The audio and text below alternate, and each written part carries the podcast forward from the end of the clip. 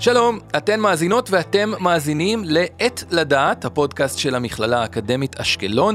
היום אנחנו מארחים את פרופסור ארנון אדלשטיין, מרצה בחוג לקרימינולוגיה כאן במכללה, ומחבר הספר רצח מרובה קורבנות, שתורגם גם לאנגלית.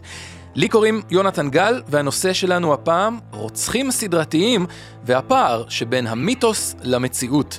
אנחנו מכירים אותם מהסרטים והסדרות מחניבל לקטר ועד דקסטר, וגם מהכותרות, בעיקר את האמריקאים, טד בנדי, ג'פרי דאמר, רוצחים סדרתיים הפכו לכוכבי תרבות, לידוענים, אשר שמם נישא בפי כל, אבל אנחנו לא זוכרים ולו שם אחד של קורבנותיהם.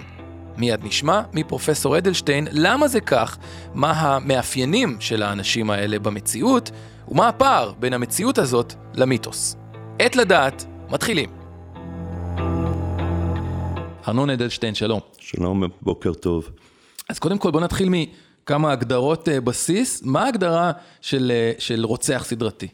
קודם כל חשוב לציין שרוצחים סדרתיים היא לא תופעה שכיחה כמו שנדמה לנו. מדובר על שני, שני אחוז בערך מכלל מקרי הרצח בעולם שהם רוצחים סדרתיים, אבל איך אני אומר, אחד זה יותר מדי. Mm-hmm. ההגדרה היא לא פשוטה, כי יש ויכוח האם מספיקים שני קורבנות או שלושה קורבנות כדי שרצח ייחשב כרצח סדרתי. אנחנו לא מדברים על שלושה קורבנות בו זמנית, אלא לפחות שלושה קורבנות לאורך זמן. מצד שני, במקסימום אנחנו יכולים להגיע גם למאות קורבנות, שזה נורא. Mm-hmm. ה-FBI נטה להגדיר את זה שני קורבנות פשוט לקבל יותר תקציב, אבל אפילו אם נסתכל במילון, ההגדרה של סדרה זה שלושה מקרים לפחות. ואתה מפריד בין סדרתי לבין אה, רצח המוני. נכון. אוקיי. וחשוב להגדיר עוד דבר, מרכיב נוסף זה משך הזמן שעובר מרצח לרצח. ברצח המוני יש אירוע אחד שמתמשך.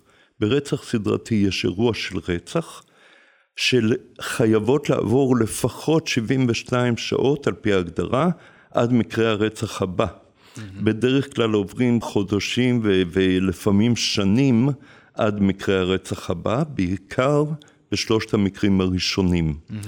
המרכיב, הש... ולזה אנחנו קוראים אגב תקופת צינון מבחינה פסיכולוגית, שעובר זמן מסוים, זה לא התקף אמוק, אלא okay. אוקיי. יש... זו לא התפרצות אלימה, אלא משהו שבהגדרה יש בו שלב ארוך של תכנון והתכוננות ל... תכנון והרבה מאוד שלב פנטזיוני, מלבד ב-20% מהמקרים ששם מדובר במחלת נפש, mm. שאדם שומע קולות שמורים לו ברגע זה לרצוח איקס, אחרת יבולע לו. זה יותר, זה יותר כמו התפרצות, זה יותר ספונטני, יותר נכון. כמו אה, התפרצות אלימה של המקרה של הרצח ההמוני שתיארת. נכון, ואנחנו מדברים על שלושה, לפחות שלושה אתרים שונים. זאת אומרת, הרצח הסדרתי לא מתבצע באותו אתר שוב ושוב ושוב.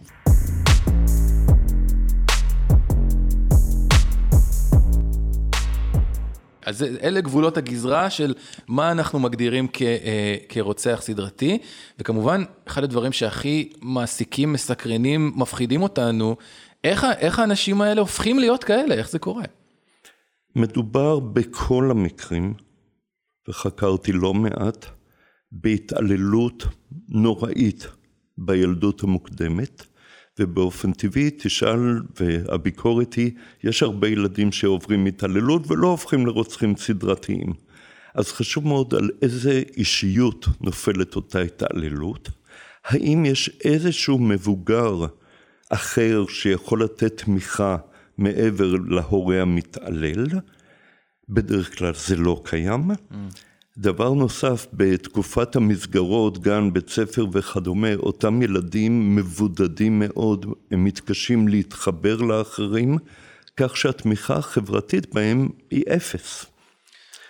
אז, אז אתה מתאר פה כמה תנאים, סבלו מהתעללות, זה יושב על אישיות שמלכתחילה הייתה בעייתית, אה, בעייתית. אין אה, אה, איזשהו גורם של, של סיוע, אבל גם שוב צריך להזכיר לאנשים שחושבים זה עדיין, עם התנאים האלה, מאוד מאוד נדיר. מאוד, בהחלט כן, בהחלט.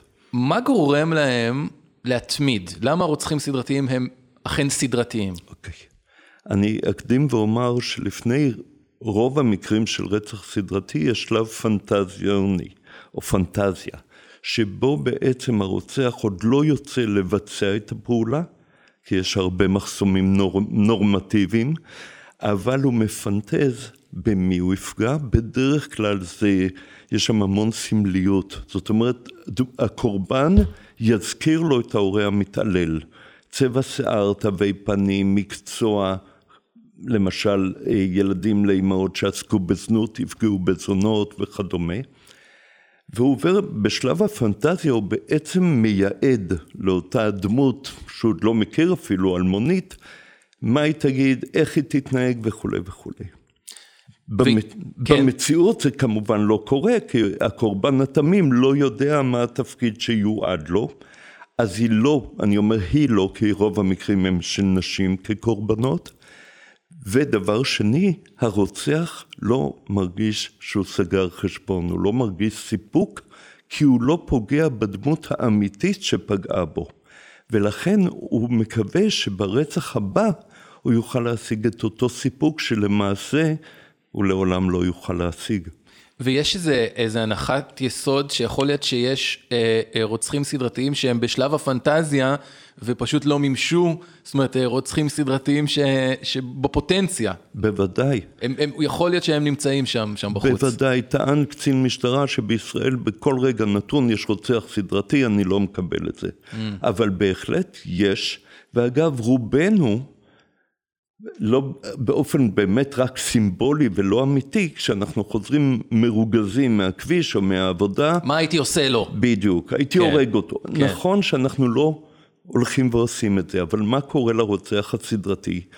זה בדיוק כמו לצפות בפורנו, סליחה על ההשוואה, באיזשהו שלב זה מתחיל לשעמם, mm-hmm. זה כבר לא מרגש, ואז אנחנו צריכים משהו יותר מרגש ויותר מרגש. וזה השלב שבו הרוצח הסדרתי בעצם מממש את הפנטזיה שלו. אגב, קלינית אנחנו קוראים לאנשים האלה פסיכופטים, מה, מה ההגדרה? כן, 80 אחוז הם פסיכופטים, זאת אומרת בעצם חסרי מצפון, אה, זה נקרא אה, אה, לקראת פורים, okay. אוקיי. מסכת השפיות. הם יודעים מה מצופה מהם. הם יכולים להיות מאוד רגישים לכאורה. יש להם מנת משכל מאוד גבוהה ולכן גם קשה לתפוס אותם. ו-20 אחוז הם פסיכוטיים, זאת אומרת הם חולי נפש שלא יודעים להבדיל בין דמיון למציאות, mm-hmm. ואותם יתפסו מהר כי הם משאירים בדרך כלל עקבות בשטח. זה אלה שהקולות אמרו להם לרצוח, שתיארת בדיוק, קודם. בדיוק, okay. אז נמצא מהר מאוד DNA, אה, אין להם חפץ קבוע שבעזרתו הם רוצחים. הם הרבה פחות אה, אה, מדויקים. הם ו... לא מתוחכמים, הם לא מאורגנים, ולכן הסיכוי לתפוס אותם הוא טוב מאוד. לעומת אותם 80 אחוז, mm-hmm. שהסיכוי, נדבר עוד מעט על פרופילאות, okay. אוקיי. הסיכוי לתפוס אותם הוא, הוא מזערי.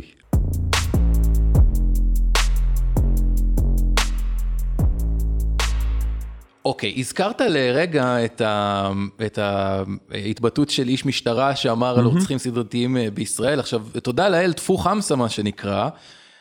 אנחנו מתמודדים פה בארץ עם הרבה דברים קשים ומפחידים ואלימים, אבל uh, כשאנחנו מדברים על רוצחים סדרתיים, בדרך כלל אנחנו מדברים על אמריקה, על, על, על העולם המערבי לפחות. למה זה כך? הייתי אומר ארצות הברית באופן חד משמעי. ארצות הברית מאדירה אלימות. היא לכאורה נגד והגנה, ויש לך זכות לפגוע במי שחודר לדשא שלך. מצד שני, מה זה המערב הפרוע? בוני אנד קלייד, שני פסיכופטים שרצחו אנשים שלא עשו להם שום רע, כשהם שדדו אותם והם נתנו את הכסף, הם ירו בהם בשביל הכיף. בילי דה קיד, עוד גיבור תרבות, הם הפכו אותם לגיבורים. כי יש בדמות הזאת משהו של, סליחה על הביטוי, זכר אלפא. אוקיי. Okay. לא רק שלא זורק חשבון כמו עבריין, אלא הוא קובע מי יחיה ומי ימות.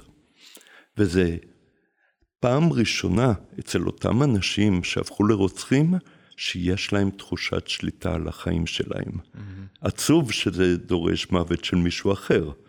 זה מסקרן, אתה, אתה נותן הסבר שהוא הסבר תרבותי, נכון. זה קשור להאדרת האלימות, נכון. ו, ולזה שבעצם אה, הקהל שם אותם כאיזה מין פנטזיה של אנשים ש, שלקחו את גורלם בידיים, כמו שאמרת, זכר אלפא שכולם אה, נכנעים, נכנעים מולו, אבל בטח יש גם הסברים שקשורים אולי ב... ב אתה יודע, בתרבות השפע, בזה שבמערב, זאת אומרת, משהו ב... משהו שהוא ייחודי אמריקאי מעבר לתרבות. יש כמה הסברים, בהיבט התקשורתי למשל, mm-hmm. אנחנו כבר לא עושים הבדל בין הפרטי לציבורי. כל התוכניות הרפואה, שיקגו הופ וכל מה שיש היום, okay. אוקיי. בעצם מראים לנו את ניתוח. האיברים הפנימיים של האדם הפכו לנחלת הכלל. אין יותר פרטיות, וארצות הברית היא צבועה מבחינה תרבותית, כי היא מקדשת פרטיות, מצד שני אין לה בעיה לחשוף פרטיות. אוקיי. Okay. אה, דבר שני, אני מייחס את זה להרבה ניכור. אם דיברנו על ישראל, ישראל היא חברה חמה מאוד. משפחתיות. משפחתיות, ואם קורה משהו על הכביש, רגע לפני שכמעט פגעתי בנהג, אבל קרה משהו, אני ארוץ לעזור. כן. בארצות לפחות ככה אנחנו רוצים נכון, לחשוב. נכון, כן. ובדרך כלל זה ככה. בארצות הברית יש ניכור מטורף. אתה לא מכיר את השכנים, אתה לא מכיר אף אחד, ולכן גם הפרט פחות מעניין. Mm-hmm. עכשיו, רוצחים סדרתיים פוגעים בעיקר בצונות שג'וליאני העביר לניו ג'רסי כדי שהתיירים לא יראו אותם ברחובות ניו יורק, והם בעצם קורבנות יומיומיות. בני נוער שברחו מהבית והם משוטטים, הם קורבנות גם כן קלים. Mm-hmm. זאת אומרת, אותם אנשים שאף אחד לא ידאג אם הם ייעלמו. Mm-hmm. או עובדים שעוברים בחוות וכדומה. מטרות קלות בהחלט. לאותם רוצחים שלא מתוכננים. שלא יעוררו חשד. אוקיי, אז אמרנו, אה, התחלנו להבין למה זה, אנחנו מקווים קורה באמריקה אה, ולא פה אצלנו. עוד משהו מעניין שנגעת בו, זה זה שזה כמעט תמיד גברים, נכון? נכון. ושהקורבנים, והקורבנות במקרים רבים נשים. נכון. בניגוד לרצח רגיל, שבו יש רוב גברי של רוצחים ורוב גברי של קורבנות. Mm. עכשיו, אחד המיתוסים הגדולים ביותר של אה, רוצחים סדרתיים זה עבירות המין, וזה רוב הסרטים קפצו על המציאה וכל הזוועות, ואני לא אכנס לתיאורים הגרפיים. אבל צריך לזכור דווקא שלא כל הרציחות הסדרתיות קשורות למין. למשל, יש רוצחים שדווקא נרתעים ממגע עם הקורבן. למשל, הם מגדירים את כל הזונות כלא ברות חיים. הם עושים דה-פרסונליזציה שלהם. הם לא בני אדם באמת, הם זונות. אז זה מותר, ואומר רוצח סדרתי בבית המשפט בארצות הברית, החברה צריכה להודות לי שניקיתי לכם את הרחובות. שליחות, תחושת שליחות. לגמרי. Mm-hmm. אצל נשים רוצחות סדרתיות, אגב, אין, הקורבנות הם בדרך כלל בתפקידים המגדריים המסורתיים של נשים. זאת אומרת, ראיות, האלמנה השחורה שרוצחת בעלים אחד אחרי השני, okay. אוקיי. לזכות בירושה. יש לנו את מלאך המוות, שזה מטפלות או אחיות ואפילו רופאות, שמחליטות מי יחיה ומי ימות, והן מרעילות בעיקר מטופלים קשישים, שאף אחד לא יחשוד שאדם הזה פתאום מת, mm-hmm. ולא יעשו ניתוח אחרי המוות אפילו. אז שם המטרות הן בדרך כלל יותר חומריות אצל נשים, mm. בעוד שאצל גברים הן יותר פסיכולוגיות, רגשיות ואחרות. ומבחינת אחוזים זה הרבה, הרבה פחות, ממש... אה, נשים? נשים. מעט מאוד. מעט מאוד. כן. אז הרבה פעמים מדברים איתנו, מראים לנו באותם סרטים וסדרות, שאת הבלש ש... או את סוכן ה-FBI שמנסה לתפוס את הרוצח הסדרתי, ומדברים על הנושא הזה של profiling, נכון? פרופילאות, איך אפשר לזהות את הרוצחים הסדרתיים עוד לפני שהם מכים, מה אתה חושב על כל זה? אני חושב שזה נורא יפה בתור סדרות בטלוויזיה, CSI וכל הדברים האלה. בפועל, בארצות הברית, בלנגלי, מרכז ה-FBI, יש מרתף ענק, שהייתי מאוד רוצה לבקר שם, שמקבל תקציבי עתק מהממשל הפדרלי, בכדי שהוא יעשה פרופילים של רוצחים סדרתיים. על בסיס ראיונות עם אלה שנתפסו ובכלא... על בסיס רא... הודעות כן. על רצח mm-hmm. ממדינות מסוימות. אוקיי. Okay. בפועל, אני כבר אעשה, אני אגלה לכם, שני אחוז מכלל הרוצחים הסדרתיים נתפסים בעזרת אותה יחידה. Mm. והשיטות משתכללות. למשל, טוענים גיאוגרפית, המרחק המקסימלי בין שתי גופות שהתגלו, שאגב הוא בערך 19 קילומטר סטטיסטית, בין שני הקצוות האלה יימצא ביתו או מקום עבודתו של הרוצח, מה שנקרא the safe zone, okay. אוקיי. האזור הבטוח. זה מה שהפרופילאים לימדו אותנו? למשל. איזשהו, אה, אוקיי, מתאר כזה. כן. עכשיו, באזור הררי חקלאי זה נפלא. כן. מה אתה עושה בניו יורק או מנהטן? נכון. יש לך בדרך מאות אלפי אנשים. כן, נכון. כך שזה לא עובד. דבר שני, הייתי אומר שהרוצח הסדרתי האופייני, אמרנו הוא מתוחכם, הוא פסיכופת, הוא השכן מהדלת ממול. הוא תמיד יעזור לקשישה ויגיד שלום לשכנים, כך שהחשד בו לא יתקיים בכלל. Mm-hmm.